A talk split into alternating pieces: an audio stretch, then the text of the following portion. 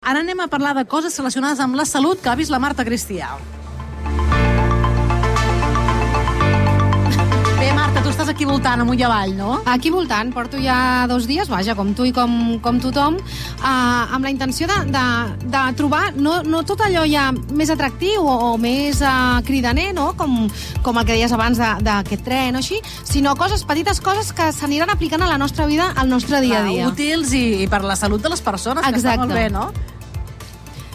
Exacte, exacte. Mira, uh, per exemple, una de les coses que, que he vist és... mm, Perdona que em centri. Que és que No, és que, perdona, el World Congress és, és un impacte. És un impacte. estava aquí escoltant la Gina desconcentrada, anar fent, i has vingut directament a mi i no, no m'ho clar, clar, clar, escolta.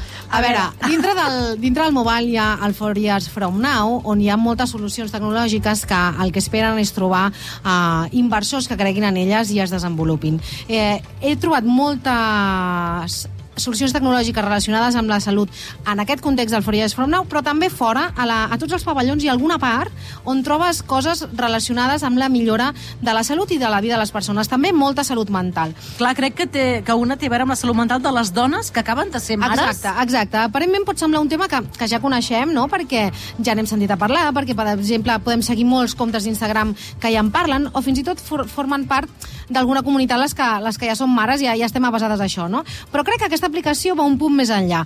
Es diu Dana, i n'hem parlat amb Verónica Montesinos, que és cofundadora i CEO d'Adhouse and Colibris, que és l'empresa que ha desenvolupat aquesta aplicació. Mireu. Són programes psicoeducacionals. Per exemple, una mare amb un nadó de 6 mesos té, diguéssim, una sèrie de reptes segurament vinculats a la lactància, a la son del nadó, ella mateixa, descansar i tindrà, diguéssim, una certa control sobre la situació. Llavors, té una sèrie de programes que són programes educacionals desenvolupats per experts en salut maternal perquè ella sàpiga gestionar, diguéssim, tot el que li està passant. Per altre costat, tenim una eina de seguiment de lo que és el benestar d'aquesta dona, que és l'índex de vitalitat maternal, que es tradueix en una eina que es diu Mood Tracker, on cada dia la dona pot estar reflexant allà dintre el que és el seu estat d'ànim i prendre consciència de com es troba. I a partir d'aquí, doncs, l'app personalitza, és a dir, les opcions que li dona el dia a dia. I a part està la comunitat de mares experts amb tots els temes d'interès per a aquestes dones. Llavors, és una eina rellevant en quant a la informació, és a dir, que hi pots confiar perquè està desenvolupada. Eh, estem avalats per lo que és la Federació de Matrones d'Espanya a nivell de continguts i ara mateix hem iniciat també el primer estudi clínic amb l'Hospital Vall d'Hebron i les universitats de Barcelona i Rovira i Virgili per evidenciar científicament els beneficis que té l'ús d'aquest tipus d'eines en aquesta fase.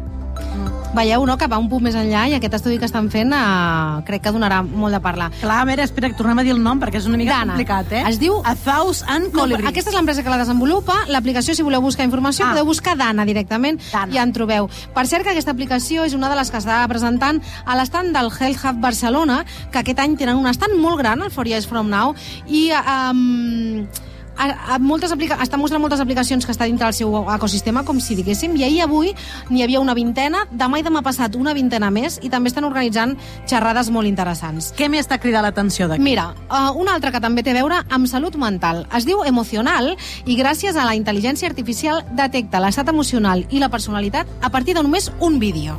Ens ha explicat com funciona Pedro Espinosa, CEO i fundador d'Emocional. A través de un vídeo de entre 15 y 25 segundos somos capaces de decirte cómo estás y cómo eres. Te damos tu grado de extraversión, introversión, apertura de experiencia y tu estado emocional, ¿vale? O sea, cogemos solo la comunicación no verbal, que es el 95% de la comunicación humana, y cabe destacar que esto se ha hecho entre Girona y Barcelona y somos la única compañía en todo el mundo que es capaz de detectar la personalidad a través de un vídeo de entre 15 y 25 segundos. Què? Impressionant, eh? Clar, és que això m'ha recordat molt no, les entrevistes que hem fet de com podem detectar a través de les xarxes socials que una persona eh, té un problema de salut mental, de, del llenguatge, o, o que està fins i tot a punt de suïcidar-se, no? Clar, i això bueno, és per prevenció. Ells, ells volen aplicar precisament a la prevenció de riscos eh, psicosocials, també de problemes de salut mental, també, per exemple, amb selecció de personal. Això a mi, per exemple, em va venir el cap molt ràpid quins problemes podia portar, no? Que és que hi ha els biaixos, que si utilitzem per fer selecció de persones, compta en fer-ho a partir d'uns vídeos. Clar, i com estigui programada aquesta intel·ligència artificial. Clar, ells també estan treballant precisament cada dia per vèncer aquests possibles biaixos.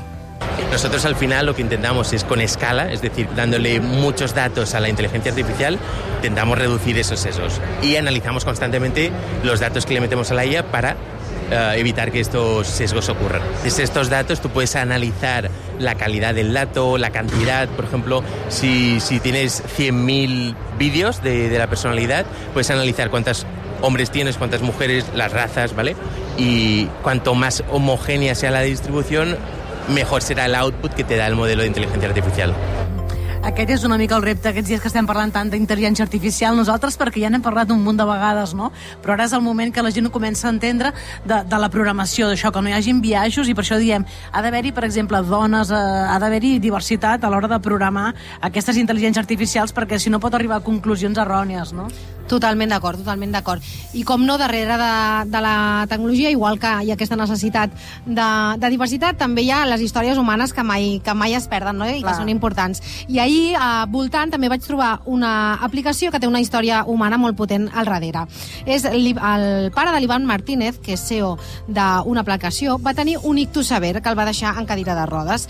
I llavors van començar a desenvolupar una solució robòtica que l'ajudés a posar-se de peus. Que sabent que per, per, per condició física mai podria fer-ho, però sí que hi hagués un robot que tingués més força que ell a les cames i que l'ajudés a aixecar-se una estona tant a dintre casa per poder, per exemple, cuinar una estona de peu Ostres. o sortir al carrer. La- L'aplicació es diu Robopèdics i així l'han desenvolupat. Si es una persona que ha sufrido un ictus y tiene un ictus severo, eh, no se va a levantar de la silla de ruedas jamás. Va a hacer un periodo de rehabilitación, pero al final se quedará en una silla de ruedas. Entonces, cuando sale del hospital se encuentra con que no tiene ninguna solución. Está condenado a estar sentado y realmente no hay soluciones en el mercado que le ayuden en su día a día.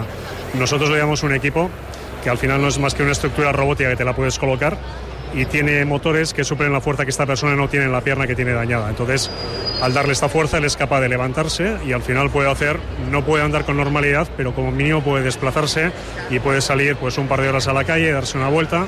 Y esto para alguien que se pasa todo el día sentado en una silla de ruedas es algo mm, indescriptible. O sea, él le genera una mejora en su calidad de vida, en su salud también, y realmente supone un cambio tremendo en, su, en la vida que tiene, ¿no?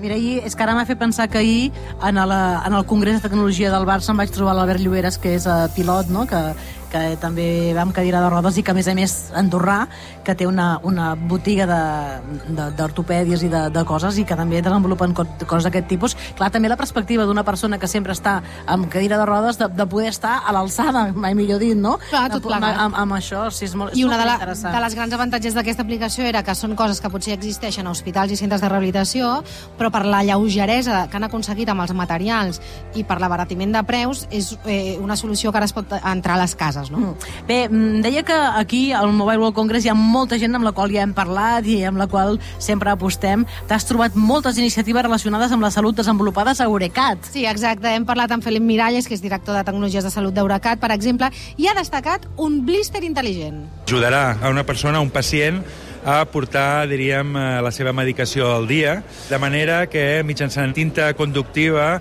doncs el blister identifica quan el pacient està prenent la pastilla en cada moment del dia i durant la setmana i aquesta informació de la presa eh, s'envia mitjançant Bluetooth Low Energy a una aplicació que permet ajudar a la persona a portar, diríem, aquest control de la seva medicació, però també alertar a familiars o al metge, en aquest cas, o la infermera, de com està prenent la medicació. És tan fàcil com un blister normal. En aquest cas no hi ha absolutament cap diferència. L'únic que fa és agafar, diríem, el blister de medicació i agafar la medicació del moment. És la tecnologia la que identifica de manera automàtica quina pastilla està, està prenent, en quin moment del dia, no? i aleshores eh, alertar quan hi ha una manca de presa o s'està prenent una pastilla fora d'hores o està, per exemple, bueno, qualsevol tipus, diríem, de discontinuïtat o d'anomalia en la presa de medicació. Aquest és un exemple del que seria no una gran tecnologia, no, no un gran canvi, el que passa que sí que pot millorar molt la vida de les persones i de la gent que està al seu voltant. No?